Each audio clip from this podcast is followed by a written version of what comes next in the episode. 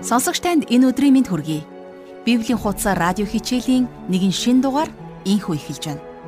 Өнгөрсөн хичээлийн төгсгөл бид Авраам өөрөө ч мэдлгүйгээр Бурхны тэнгэр элч нарыг хэрхэн элбэг дэлбгээр дайлсан тухай үзсэн. Тэгвэл санамсаргүйгээр Авраамын цаатсан тэдгээр элч нар чухам ямар зорилгоор хаа хүрэхээр явж байсан болоо. Энэ асуултын хариултыг бид өнөөдрийн хичээлээрээ олох болно.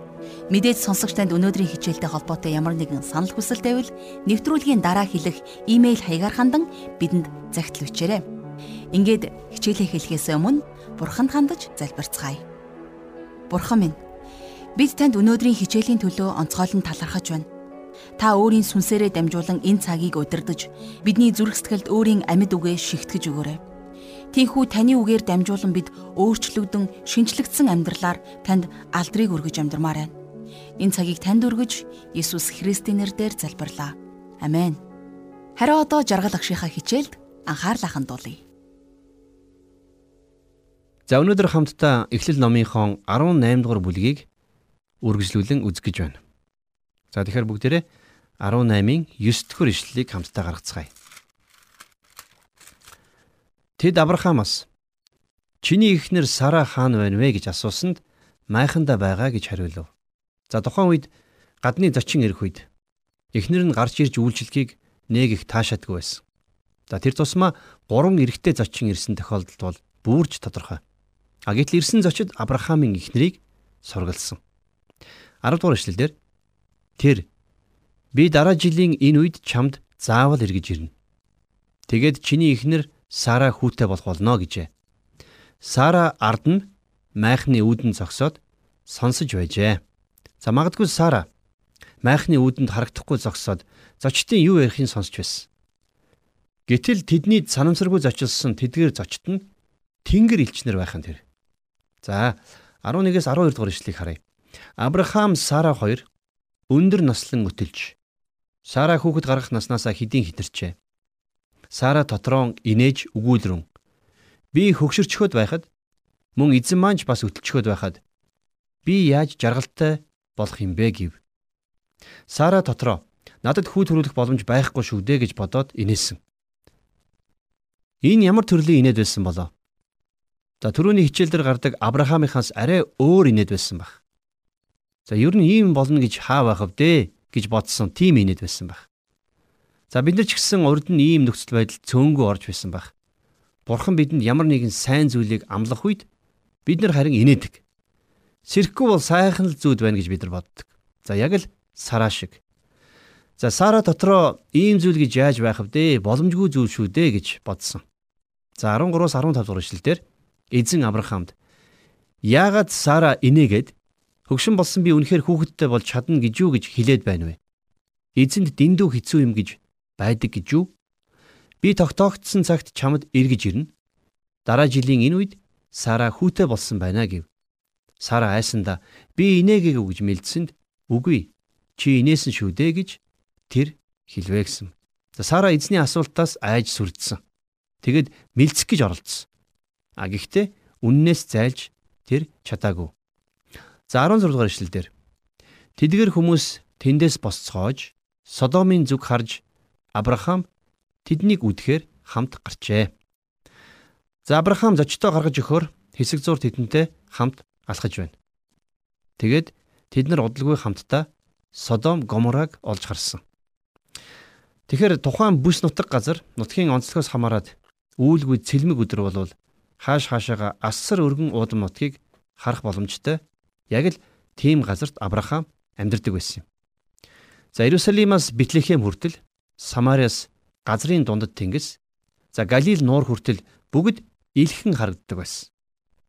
Авраам зочдтойгоо хэсэг зур алгаснаа Содом Гоморог олж харсан байна. Тухайн үедээ бол энэ хоёр хот нь үнэхээр гайхалтай а бас үзэгсэлэнтэй хотод байсан. За 18 дугаар бүлгийн 17 дугаар ишлэлдэр эзэн би хийх гэж байгаа юм а Авраамаас нуун гэж юу гэсэн ийм асуулт гарч байна. За энэ мөчийг хүртэл бурхан Содом Гомород чухам юу хийх гэж байгаагаа за тэднийг яаж устгах гэж байгаагаа Авраамд огт хэлээгүй байсан. За тэгээд бурхан Авраамд би хийх гэж байгаа зүйлийг Авраамаас нуун гэж юу гэж өтсөн. Яагаад бурхан Авраамаас нуухгүй гэж? Учрыг нь бурхан дараагийн ишлэлдэр ингэж тайлбарлсан байна. За 18-ын 18 дугаар ишлэлдэр Авраам агуу их хүчрхэг үндэстэн болж дэлхийн бүх үндэстэн түүгээр дамжуулан өрөөгдөх биш үү?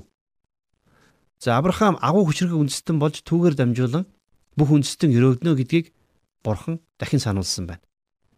За энэ дэлхийд э, тэр чигт нь Авраам нөлөөлөх болно гэж Бурхан альцсан. За тэрч битгий хэл өнөөдөр 21-р зуунд ч гэсэн та бид нар Авраамийн талаар ярилцаад л сууж байна шүү дээ. За 19 дугаар ишлэгийг харъя. Би түүгээр түүний хүүхдүүд болон гэр бүлийнх нь тушаалгаж эзний замаар дагуулan зөв ба шудраг эсийг үйлдүүлэхээр би түүнийг сонгож авсан юм. Энэ нь эзэн түүний тухай хэлснээ Авраамд биелүүлэхийн тулд болоо гэсэн байна. За өөрөөр хэлэх юм бол бурхан Авраамаар дамжуулан би бусдыг эзний замаар дагуулan явах учраас би түүнд өөрийнхөө замыг мэдгэдэхийн тулд энийг илчилж байна гэж бурхан альдсан байна. За 20-с 21 дугаар ишлэлийг харъя. Тэгээд эзэн Содом Гоморо хоёрын хашгиран үлэмжих болсон бөгөөд тэдний гим нүгэл маш хүнд ажээ. Би одоо доош бууж тэдний хийсэн бүхэн нь надад сонсогдсон хашгиран шигэ эсхийг би үзэж мэдье гэв гисэн байна. За бурхан энд Авраамд хэлсэн. За би нөхцөл байдлыг сайн мэдэж байгаа. Гэхдээ би бууж шалгаж үзэх хэрэгтэй байна гэсэн байна. Бурхан хизээч юу ч яарж сандарч хөнгөн хумгай үйлддэггүй. Бурхан тэдгээр хотуудыг яагаад устгаж байгаагаа Авраамд тайлбарлаж өгсөн. За яагаад гэвэл магадгүй Авраам Бурханы талаар буруу ойлголттой ч болж мэдэх байсан. Бурхан бол хайр инэрлгүй шүүгч дарангуйлагч юм байна гэж ойлгож болох байсан. За тийм ч учраас Бурхан Авраамд өөрийгөө зөвөр ойлгуулахын тулд за яг юу хийх гэж байгаагаа түүнд тайлбарлаж өгсөн. За тэгээд энэний үр дүнд Авраам магадгүй урд өмнө нь огт бодож үзэж байгаагүй зүйлээ бодож үзсэн байх. Авраам маш олон зүйлсийн талаар буруу бодолтой явсан байдаг. За мөн Содом Гоморогийн талаар ч гэсэн буруу төсөөлтөй явсан. Тийм ч учраас Бурхан тэрэнд юу хийх гэж байгаагаа тодорхой хэлж өгсөн байгаа. Бурхан хэдийгээр бидэнд тэр болгон юу хийх гэж байгаа юу хийж байгаагаа илчилдэггүй ч гэсэн хэрвээ бид нар анхааралтай харах юм бол Бурхан бидэнд хангалттай эхийг илчилж ойлгуулж өгсөн байдаг. За 18-ын 22 дугаар эшлэлдэр тэр хүмүүс тэндээс явж Содомын зүг одоход Авраам эзний өмнө зогссоор хосорчээ. Авраам Бурхныг хүлээн зогссон байна. За тэгэд 23 дугаар эшлэлдэр Авраам ойртон ирж Та зөв шудраг хүнийг бузар муу хүнтэй нь хамт устгах уу? За нэгэн том асуултыг Бурханаас асуусан байгаа. Авраамийн толгойд хамгийн түрүүнд ямар бодол төрсэн бол? За мэдээж хамгийн түрүүнд Лотын талаар л бодсон байх. Авраам өмнө нь нэг удаа Лотыг аварч байсан. Гэтэл Лот дахиад л аюулд орох гэж байна. Авраам Лотын талаар ямар бодолтой байсныг бид нар эндээс олж харж чадна. Авраам Бурханаас зөв шудраг хүмүүсийг та яах вэ гэж асуусан байна. Авраам Содом хотод авралыг авах зөвхт хүмүүс цөөнгөө олон байгаа гэдэгт итгэлтэй байсан. За бурхан яагаад тэдгээр зөвхт хүмүүсийг бузар муу хүмүүстэй хамт устгах гээд байгааг Авраам ерөөсөө ойлгоогүй байсан байна. За 24 дугаар ишлэлдэр тэр хотод зөв шудраг хүн 50 байсан ч та тэр газрыг устгах уу? Тэрхүү 50 зөв шудраг хүний төлөө тэр газрыг өршөөхгүй юу? За Авраам өөрийнхөө 8 гэж хэлж болохын зүйлийг 50-аас эхэлсэн байна. За тэнд ирэх биш 50 зөвхт хүн байгаа бах. Тэгвэл тэр хүмүүсийг та устгах уу гэж Авраам Бурханаас асуусан байна. За цааш нь 25 дугаар эшлэлдэр зөв шудраг хүнийг бузар муу хүнтэй адилтхан тэднийг хамтд нь алах ийм зүйл хийх нь танаас хол байг. Газар дэлхийн шүүгч та үнэн шударгыг баримтлахгүй гэж юу гэв. Өнөөдөр маш олон хүмүүс энэ дэлхийг шүүх бурхны шүүлд шудраг байх эсэгт эргэлздэг. Авраам хүртэл энд бурхныг зөвхт хүмүүсийг хилмигдүүлчихвээ гэж айж байсан. А гэтэл үнэндээ бурхнаас илүү шудраг шүүгч гэж байхгүй юм. Хэрвээ бурхныг шудраг бишээ гэж бодож байгаа бол асуудал бурханд биш харин тийм бодолтой байгаа хүнд өөрт нь байгаа гэсэн үг. За 26 дугаар ишлэлдэр эзэн хэрв би Содом хотынхны дотроос зөв шудраг хүн 50-ыг олбол тэдний төлөө бүх газрыг өршөөнө гэсэнд за Авраам энд дахин хэсэг бодож байгаа. За тэгэд бодож байгаа дараах асуултыг асуусан байна. 27-оос 28 дугаар ишлэлдэр Авраам би өөрөө тоос шоромит өчүүхэн амтан боловч эзэнд үг хэлэхээр зүрхэллээ. Хэрв 50 зөв шудраг хүнд 5 хүн дутвал та тэр 5 хүнийг дутсны учир бүх хотыг устгах уу гэв. Эзэн хэрв би тэндээс 45 хүнийг олбол хотыг устгахгүй гэсэнд. За ингээд 8 цаашаа үргэлжилж байна. Авраам бурхнаас хэрвээ 45 зөвхт хүн байвал яах вэ гэж асууж байна. Харин бурхан хэрвээ би 45 зөвхт хүнийг олох юм бол тэр хотыг устгахгүй гэж хариулсан. За тэгээд Авраам зориг орсон.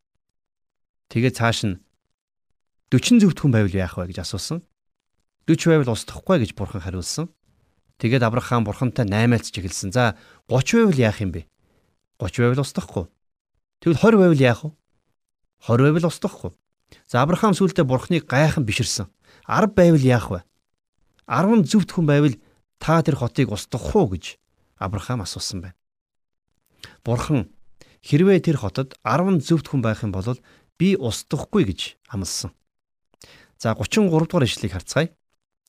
Эзэн Авраамтай яриагаа дуусгангуудаа одоход Авраамч бас өөрийн газар руу харжээ. Авраам яагаад 10-аас доош буулгаагүй бол Авраам бурхнаас хэрвээ нэг зөвхт хүн байвал та тэр хотыг устгах уу гэж асуусан бол бурхан ер нь юу гэж хариулах байсан болоо. Хэрвээ нэг зөвхт хүн байх юм бол би тэр хүнийг хотоос гаргах болно. Ягд гэвэл би нэг ч зөвхт хүнийг тэр хоттой хамт устгахгүй гэж бурхан лав айлдах байсан байх. Учир нь дараа нь юу болсныг харах юм бол яг ийм зүйл болсон. Бурхан Лотод чи энэ хотоос яралтай гар. Чамайг гаргахаас нааш би энэ хотыг устгахгүй гэж хэлсэн байна. Эцсийн өдрүүд ирэхэд бурхан сүм чуулганыг өөртөө авахар ирэх болно. За яг л шийтгэгдэх гэж байгаа Содом Гоморагаас Лотыг гаргаж авсан шиг. За энэ бол үнэхээр гайхалтай дүр зураг. Бурхан хожим болох үйл явдлыг Эхлэл номынхон энхүү үйл явдлаар дамжуулан бидэнд дүрслэн харуулсан гэдэгт би итгэдэг. Тэгэхээр Христ итгэгч хүмүүс бурхантай нөхөрлөх ямар ивэлтэй байдаг талаар бид саяын бүлэг дээрээс үздцгээлээ. Христэд итгэгч хүмүүсийн амьдрал бол бурхантай хамт алхсан, бурхантай нөхөрлсөн ивэл ерөөлөөр дүүрэн амьдрал юм. Та бурханд итгэснээрээ таны амьдралд бурханы өгсөн тэр бүх сайн сайхныг та хэсэгхэн зурчгсан бодоод үзээрэй. Тэгээд бурханд хамтдаа талархацгаая. Харин одоо бидний цааш үзэх бүлэг бол харин ч эсэргээрээ. Бид Авраамийн амьдарч байсан Мамерегийн царс модыг орхиод Лотын амьдарч байсан Содом хотод очих болно. Энэ бүлэг дээр Лот эхнэр хоёр охинтойгоо Содом хотыг хэрхэн орхиж байгаа тухай бид үргэлжлүүлэн үзэх болно. Ингээд Содом Гоморо хотууд сүрдэг. Лотын эхнэр давсан баг нь болон хуурч дараа нь Лот болон түүний охид хэрхэн бузар муу гим нүгэл үйлдсэн тухай энэ бүлэг өгүүлдэг. Өөрөөр хэлбэл энэ 19 дэх бүлгийг сүрсэн амьдралын дүр зураг хэмээн нэрлэж болох юм. За ингээд Эхлэл номын 19 дэх бүлгийг нээн үзцгээе.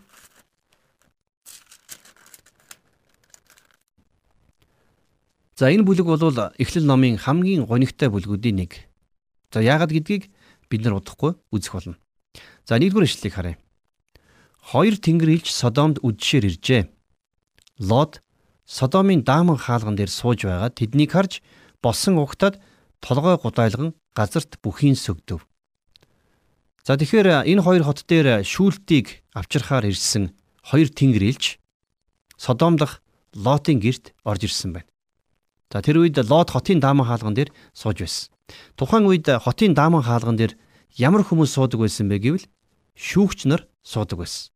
За өөрөөр хэлэх юм бол Лот тэр хотод очиод зүгээрчгүй шүүгч болсон байсан. А гэхдээ Лот нэг их нөлөөгүй шүүгч байсан юм шиг санагдаж байна. За хоёрдугаар ишлэл дээр эзэнтнүүд минь зарцынхаа гэрээр орж хөлөө угааж хоноод маргааш өглөө эрт босож аян замдаа гарна уу гэсэнд тэд үгүй бид гадаа талбайд хонно гэв. За тэр хоёр гийчний хөлн халтайж ядарч цуцсан байсан байх. Мамрыгийн царс модноос Содом хүртэл алхна гэдэг бол мэдээж маш их уртсан байсан. За тухайн үед ирсэн зочдын хөлийг угаадаг зочломтгой зан заншил байсан талаар би өмнө нь дурдж байсан. За ямар ч тач Лот зочломтгой хүн байж тэгээд Лот тэднийг урьж тэдж герт орсон байна. За 3 дугаар ишлэлдэр тэгээд Лот тэднээс хүчлэн гуйсанд тэд герт нь оржээ. Лот тэдэнд хоолунд бэлтгэн эсгээгүй талах барьж өгсөнд тэд идцгээв. Тэдгээр харийн хүмүүс гадаа талбайд хонох гэж байгааг сонсоод Лот маш их сандарсан. За яагад гэвэл манай Содом хотод ингэж шүн харанхуйд гадаа хонно гэдэг үнэхээр аюултай. Ингэж болохгүй шүү гэж хэлсэн байна. Тэгээд Лот тэднийг хүчлэн гуйж байж гэртээ оруулсан. За 19 дугаар бүлгийнхээ 4-өөс 5 дугаар ишлэгийг үргэлжлүүлэн харъя. Тэднийг хөвтхийн өмнө тэр хотынхан буюу Содомынхан хөгшин залуугүй бүгдээрээ дөрвөн зүгээсээ цугларч гэрийг нь бүсэлж Лотыг дуудан Энэ шүн танад ирсэн хүмүүс хаана байна вэ? Тэднийг гаргаж ир. Бид тэдэнтэй хурццгаая гэв. Хм. Эндээс бид Содом хот ямар их аимшигтайгаар гажууданд оройтсныг олж харж чадна. Ижил хүстэнтэйгээ бэлгийн харилцаанд орох энэ гим нүглийг үүнээс хойш Содомчлох гэж нэрлэх болсон юм. Тэр хотод энэ бүх бозор муу үйлсийг нь эсэргүүцэн зогсоох хинч байсангүй. Харин бурхан ийм зүйлийг үнэхээр үзэн яддаг. Энэ бол бозор муухай гимнүгэл. Лот тэр хот руу анх нүүж очихдоо ийм бозор газар ирж байгаагаа огт мдээгүй гэдэгт би эргэлзэхгүй байна. Өөрөө очиж үзэхээс нааш энийг мэдэх арга байгаагүй юм. Майхныхаа амийг Содом руу харуулan барихтаа Лот Содом хотын үзэгсэлэнтэй сайхан гудамжууд уран барилга, цэцэрлэгт хүрээлэнгүүдийг харж байсан болохоос тэнд үнэндээ жохом яг юу богшсон байсныг олж харж чадаагүй. Энэ хотын гим нүгэл хитрхи их байсан учраас Бурхан энэ хотыг шүүж устгахаар шийдсэн. За эндээс бид бас нэг шугамыг татах хэрэгтэй. Өнөөдөр гим нүгэлд хандах шин хандлагууд бий болсоор байна. За Есүс итгэгчдийн амьдралд харч биш, цагаанч биш, саарл хэсгүүд байдаг итгэгчид гим нүглийг энэ саарл хэсэг рүү оруулан харахтаа гим нүгүүд чинь тийм ч хар биш юм байна. Тийм ч муу муухай юм биш юм байна гэсэн ойлголттой болж байна. Сүм чуулган үүнийг маш их хохирол амсаж байж сая ойлгож эхэлдэг. За баруунд бол дан ижил хүйстнүүдийн чуулган гэж хүртэл бий болсон. Тэр байтугай пастор нь хүртэл ижил хүйстэн гэд бодохоор ямар санагдж байна да. Содом Гоморо тохиолдсон энэ явдал бол энэ үеийнхэн зориулсан бурхны сургамж. Бурхан ийм зүйлийг хизээж хүлээн зөвшөөрөхгүй. Ийм зүйлийг хүлээн зөвшөөрдөг чуулга нэгч хүлээн зөвшөөрөхгүй. Өнөөдөр зарим хүмүүс Бурханы хүүхэд болсон бол нэгэнд авралыг авсан л бол цаашид гим нүглээ үйлдсээр бах байдгаараа байсаар байж болно гэж итгэдэг. Харин Бурхан ийм зүйлийг боломжгүй гэж хэлдэг. Содом хотын түүх бол үүний нэг жишээ. Энэ тухай Илж Паул Ромын 6-гийн 1-ээс 2 дээр тэгвэл бид юу гэж хэлэх вэ? Нэгүсэл нэгсхийн тулд бид нүгэл дотроо байсаар байх уу? Бүү юм байх болтугай. Нүгэлд үгсэн бид цаашид түүн дотроо хэрхэн амьдрах вэ хэмээн асуусан байдаг. Христэд итгэгч болцоход хуучин гим нүгэл дотроо амьдрсаар байна гэдэг бол үгүүлж болшгүй том алдаа юм. Тийм ч учраас Бурхан Содом болон Гоморо хотуудыг устгасан. Бурхан Эхлэл номын үед жаахан зэрлэг байсан ч юм уу? Хот суурин устгадаг. А одоо бол орчин үед Бурхан арай боловсон зөөлөн болсон гэж бити бодоорой. Бурхан одоо ч гэсэн хിവэрэ. Мөнхөд хിവэрэ байх болно. Тийм ээ. Есүс нүгэлтнүүдийг хүлээн авсан. Есүс нүгэлтнүүдтэй хамт алхаж нүгэлтнүүдийг өөрчилж байсан. Бие үнэлэгч байсан эмэгтэй Есүс рүү ирээд амьдрал нь өөрчлөгдсөн. Тэр болор замаасаа эргэсэн. За тэгээд бусад нүгэлтнүүд ч ялгаагүй. Бурхан дээр ирэх үедээ тэд нар өөрчлөгдсөн. За бас нэгэн татвар хураагч. Есүс дээр ирээд амьдрал нь өөрчлөгдсөн. Эзэн дээр ирээд тэрээр луйвардж авсан бүхнээ эргүүлэн төлсөн. Тэгэхээр хэрвээ та Есүс Христээр ирсэн бол таач мөн адил өөрчлөгдөх болно.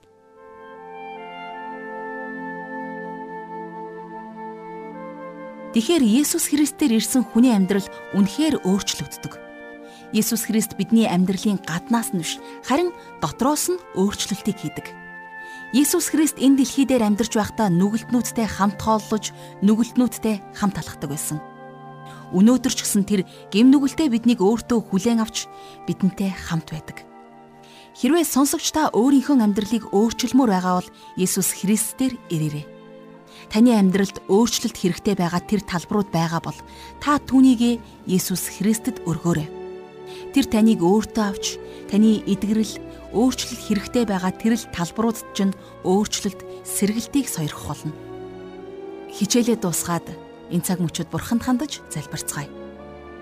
Эзэн Есүс минь бид таны өмнө ирж байна. Бидний амьдралыг та өөртөө аваач.